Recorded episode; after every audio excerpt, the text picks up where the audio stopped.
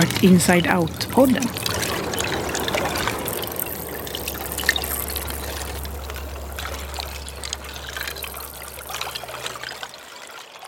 I start from chaos.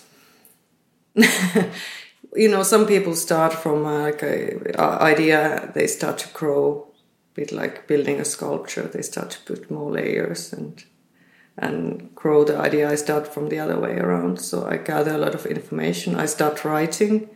Uh, I start collecting images. I start filming. I start interviewing people. So uh, at the moment, I have uh, I have been doing all those, um, like filming myself and uh, meeting a lot of people. Hon börjar i kaos, inhämtar material, information, bilder, filmar, intervjuar och träffar människor.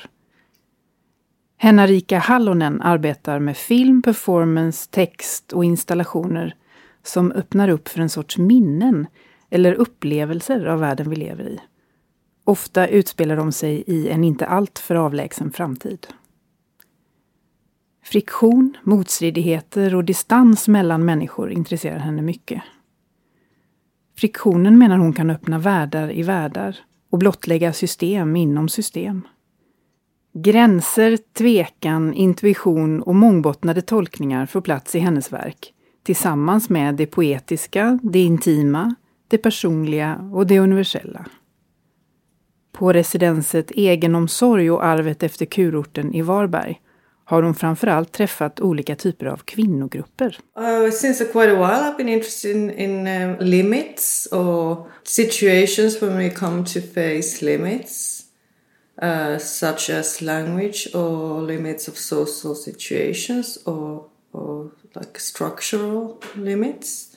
Um, so this is some sort of collapse that might be happening. I, I sort of see it as a, some sort of rupture or, or, a moment when when we it can actually create alternative worlds. To be more precise, maybe just talking about frictions between people, like uh, disagreements. I think it maybe started because I think as a Finnish person, we also live in a very consensus driven society where frictions or disagreements are kind of um, pushed under the rug.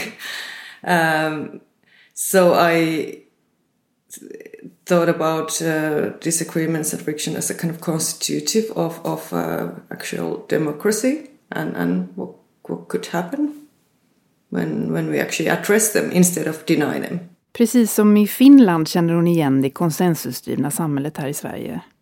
Vi säger inte gärna emot varandra. Och frågan är vad som skulle hända om vi erkände våra meningsskiljaktigheter istället för att dölja dem. Sverige är ännu mer artigt, menar Henna. Hon vill inte döma, men vi har olika historier, inte minst i relation till andra världskriget. Och det är förstås intressant nu när extremhögern växer sig stark i stora delar av Europa igen. Men Henna intresserar sig egentligen mer för individuella skeenden, det som händer mellan människor. Som konstnär skapar hon system och berättelser där friktion avslöjas och leder fram till någon sorts kollaps.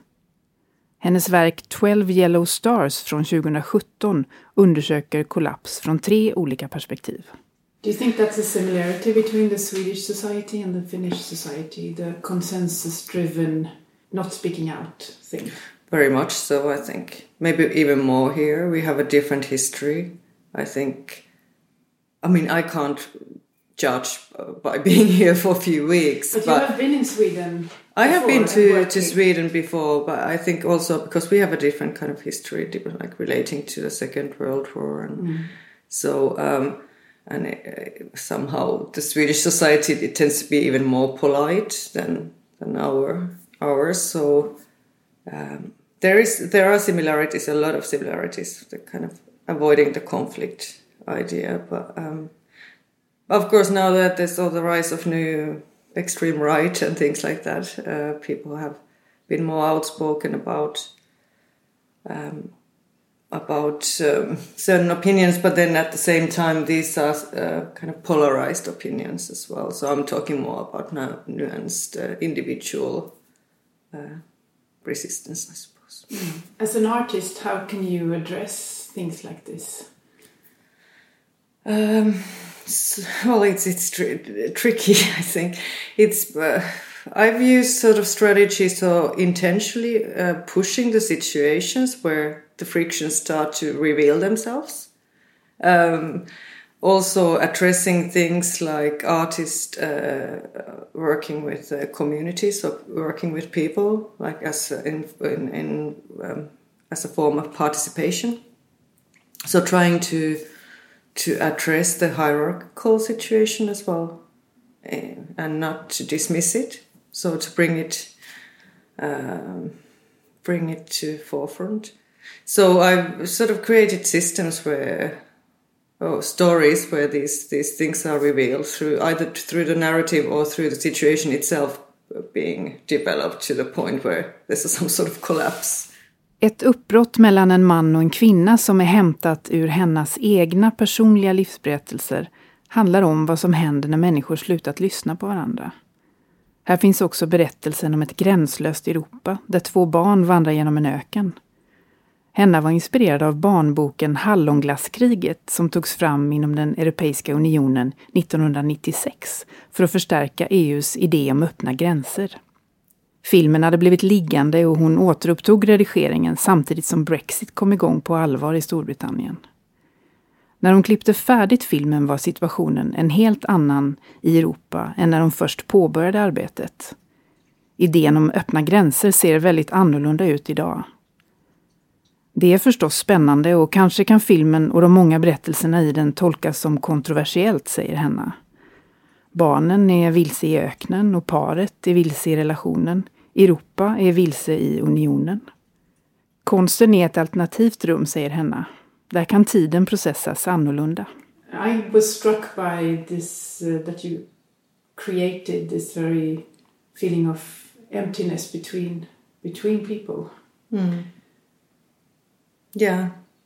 Or emptiness or distance. Uh, that they were very much together because they were the only one in the deserts, but at the same time they were not really communicating. Mm. Yeah. Um, so, yeah, that uh, as many many of my works has many layers, but um, it's based on this, my personal story um, of myself and my ex working in Israel Palestine in 2011 and trying to uh, work on the Green Line, the UN uh, approved Green Line to deal with the situation there and and and uh, trying to approach it through a European perspective. So we we used this comic book called Raspberry Ice Cream War from 1996, which was created by European U- Union to uh, promote borderless Europe. Um, and then um, we tried to make work there, but because the situation was so complex, we started to have a disagreement uh, between us and with the curator and the group. We had a group of people working with us, and that started to sort of fall apart. And also, uh, our relationship started to fall apart after 10 years of being together. So we broke up quite soon after that. Mm. Um, and then that was a kind of unfinished project. I, I didn't really know how to deal with it, but it kept bothering me for years and and then I thought I want to return to it, but maybe I'll return to it through this personal story of breaking relationship and what's happening when people don't people stop hearing each other and listening each other. So they the distance between the couple in the film is about the, the fact that they they sort of meet but they don't they don't the, the conversation is going always in different directions. And then um, I started to work on it exactly the same time when uh, Brexit happened so um, it was interesting to reflect this uh, this idea of like Europe, this comic book we had used at the beginning. So it's a story about two kids, uh, three kids, sorry, who go are sucked through a time machine to a kingdom where there are still borders, and they they they finally get through the fence and go to the kingdom, and the, and and start to explain to the king that in Europe we don't have borders. So it's a but it was also banned after that because it was controversial to deliver a political message to kids' uh, comic mm. book. But anyway, so then when starting to work with this to get, uh, again with this project, and, and at the same time when Brexit was happening, uh, I also thought it's interesting to reflect the fact that Europe was opening its borders, and now the borders are starting to build up again. Mm. So there's different layers. There's like barriers or borders between the couple kind of invisible things that you don't necessarily see and how people communicate and then this uh, the political idea and and these two kids are like the kids in the in the comic book. So they are lost in the desert. And they don't they don't know which direction to turn left or right.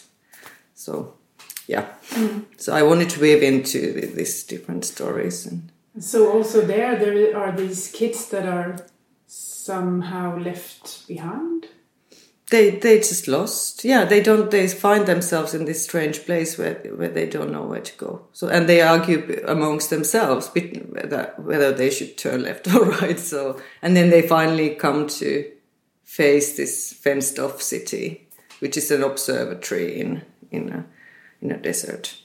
But yeah. So I don't want to explain all the meanings because there are loads of layers, of course, uh, and, and one, as one can imagine and also this kind of surrealist uh, collage technique that is used in editing. Maybe we could have like an excerpt or something in uh, in the journal. Yes, yeah, yeah, yeah. Yeah, I think it is a, exactly a, a, space. Uh, I don't know. I don't think it's a tool. No. Uh, I think it's maybe a, a space or alternative world. But then also there are a lot of things like poetic means or or slowing down time or creating different kind of temporalities that are somehow different from the time we are living in. Mm. Speaking about time, uh, you are often working time based with time based media, with uh, video, uh, text, and different kind of format, but some sort of relation to to the time based. Uh, could you say something about that? Mm. That's not really a question. Yeah. um, no, but um, no, I, no. It's an interesting question. I just don't know exactly how to because they are all different as well. It's when I read what I have written when we have been speaking and you have been presenting. Mm.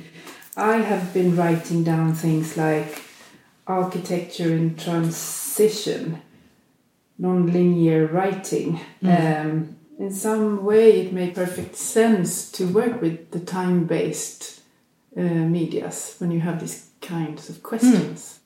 Mm. Yeah, I come from painting, so it's uh, it's quite different because the time of the painting is, is it is as an experience is different. Breaking the linearity is a bit of a banal thing to say. Maybe it's more to do with wandering, like or navigating. So the working with different layers of time or time-based works, also different layers of, of uh, narrative or text or image, and, and sometimes clashing them or doing things like that, that allows this kind of navigational uh, aspect of the work, where um, also things are contradicting each other. And uh, the future has a special focus in your works? Yeah, um, but as one of my favorite science fiction writers, Ursula Le Guin, says, she's not really dealing with a future. Actually, although the, the, the stories are set in a sort of fictional future alternative world, but she's actually dealing with the present. I could say the same. I think the kind of uh, I've dealt with the future narratives about the future a lot, and also aspirations people have about future. But I think it's often a kind of a way to just valorize how we are, how we, what we are thinking now, and what are the means we are dealing with the contemporary society. Henna började med måleri, men det tidsbaserade som video och ljud ger henne andra möjligheter att navigera och röra sig både bakåt och framåt. Att bryta det linjära kanske låter banalt, men att arbeta med olika lager, olika tider, navigera i olika typer av berättelser och perspektiv intresserar henne. Den feministiska science fiction-författaren Ursula Le Guin är en inspiration.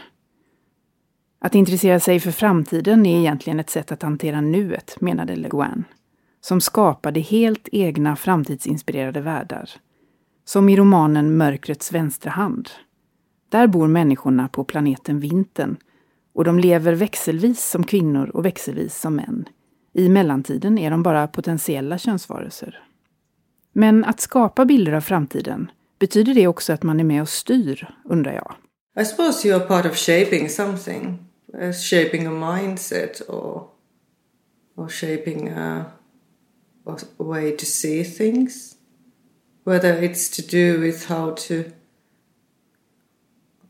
how to build a future as such or trying to predict i suppose the difference is that of course there's no intention of trying to predict what's going to happen in the future but somehow you become part of uh, creating the future like ballard ballard's uh, literature for example that he was actually quite insightful already in, in seeing what, what is going to happen and how we are manipulated by media or technology or things like that so but I don't know. I don't know about my own own work whether it's mm. it's uh, part of shaping something. Hopefully, mm. but um, you quite often also uh, connect something from the past, like a novel or uh, something, to contemporary thinking and mm. place it in our time. Yes. Mm. Yeah, I think that is, that is a way to kind of recontextualizing past narratives or fictions. It's very interesting for me because I always thought maybe that's a tool to valorize something that's happening now. And that sort of re- recontextualization of past uh, aspirations to do with future or society at the time. Uh, I thought that's always an interesting, or, or maybe kind of an access point for people to to see something that's happening now through fiction mm. or helping to deal with the, the situation in hand. Också historiskt material och texter från andra författare får liv i hennes arbeten. Det är ett sätt att koppla ihop tider med varandra. Många konstnärer arbetar så, säger Henna och nämner en annan brittisk science fiction-författare, James Graham Ballard. Han är kanske mest känd för romanen Solens rike, som baserar sig på barnets upplevelse av andra världskriget. Hur har hon då själv förhållit sig till residensens tematik, egenomsorg och arvet efter kurorten? I've been looking more into the women's resistance movements and, and the, the kind of radical, radical act of, uh, of uh, self-care. I mean, of course, spa culture can be also a radical act of looking after yourself, but I've been more interested in people uh, who don't necessarily have a voice or the kind of forms of resistance that have manifested in the in uh, society.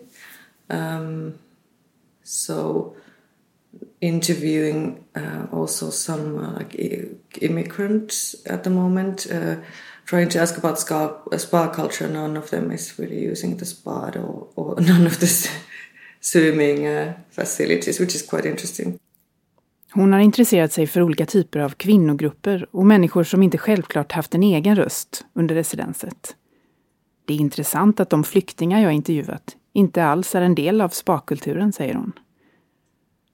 För sin egen del har hon försökt släppa taget om processen och om sig själv för att hitta ett annat sätt att arbeta än det ganska kontrollerade arbetssätt hon tidigare haft. Men det är svårt. I've been thinking about something that is uh, this sense of control and, and losing control, which is really difficult for me. so working in a way that, uh, first of all, perhaps would start from more personal experience, like I tried to do with the 12 Yellow Stars, but I think there was still very much of a very strong control of not allowing to let go. So, what I've been thinking a lot here is to how to let go as well myself, and somehow what the, what does it do for the work, and that's also as a kind of form of self care in a sense, like uh, allowing yourself to cross your own boundaries which you have created. And why do we do this? Like create these parameters or rules for myself.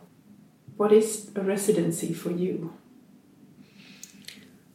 Um, well, usually it's it's providing the, the context and it's material and, and time and space to to make work. I think that's the most important aspect of it, and also it's a way to to connect with people, other artists and and uh, art professionals, but also people from uh, the community, and try to see how people try to somehow dive into a new context, which is often quite a challenge as well.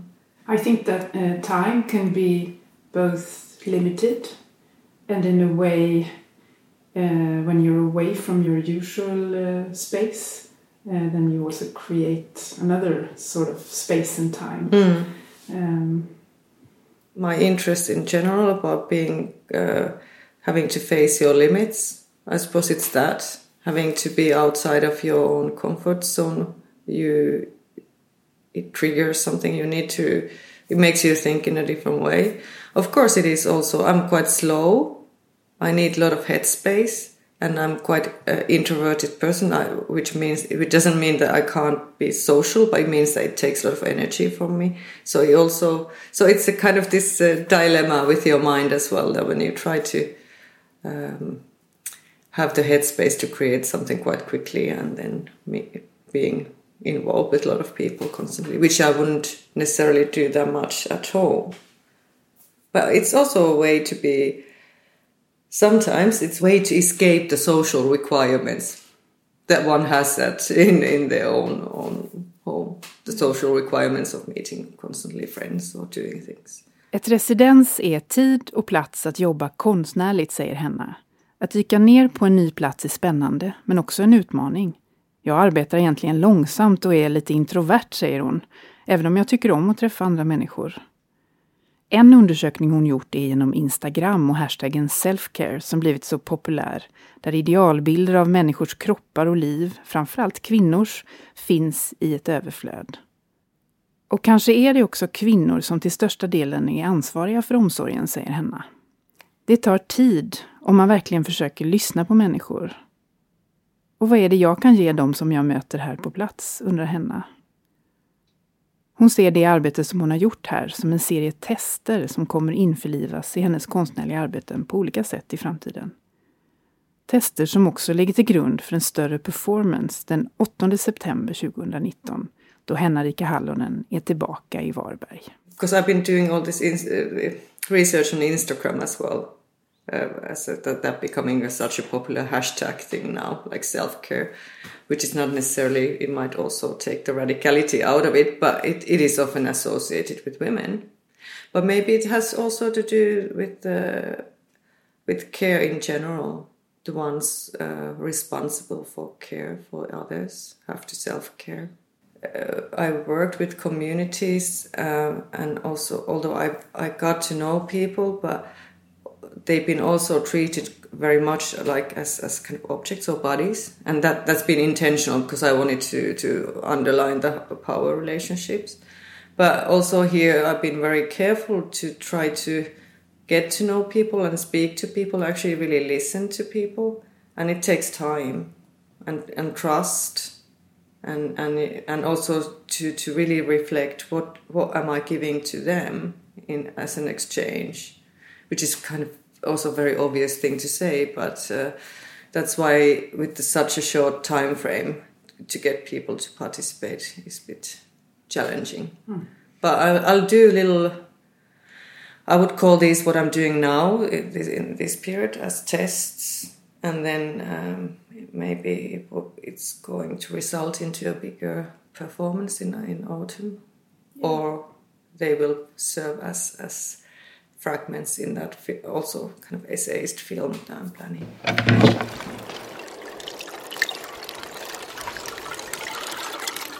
Du har lyssnat på ett samtal mellan Henna-Rika Hallonen och Petra Johansson. Det går att se filmen 12 Yellow Stars och fördjupa sig i hennes arbeten i Art Inside Out-journal på artinsideout.se. Jag som klippt podden heter Helena Persson.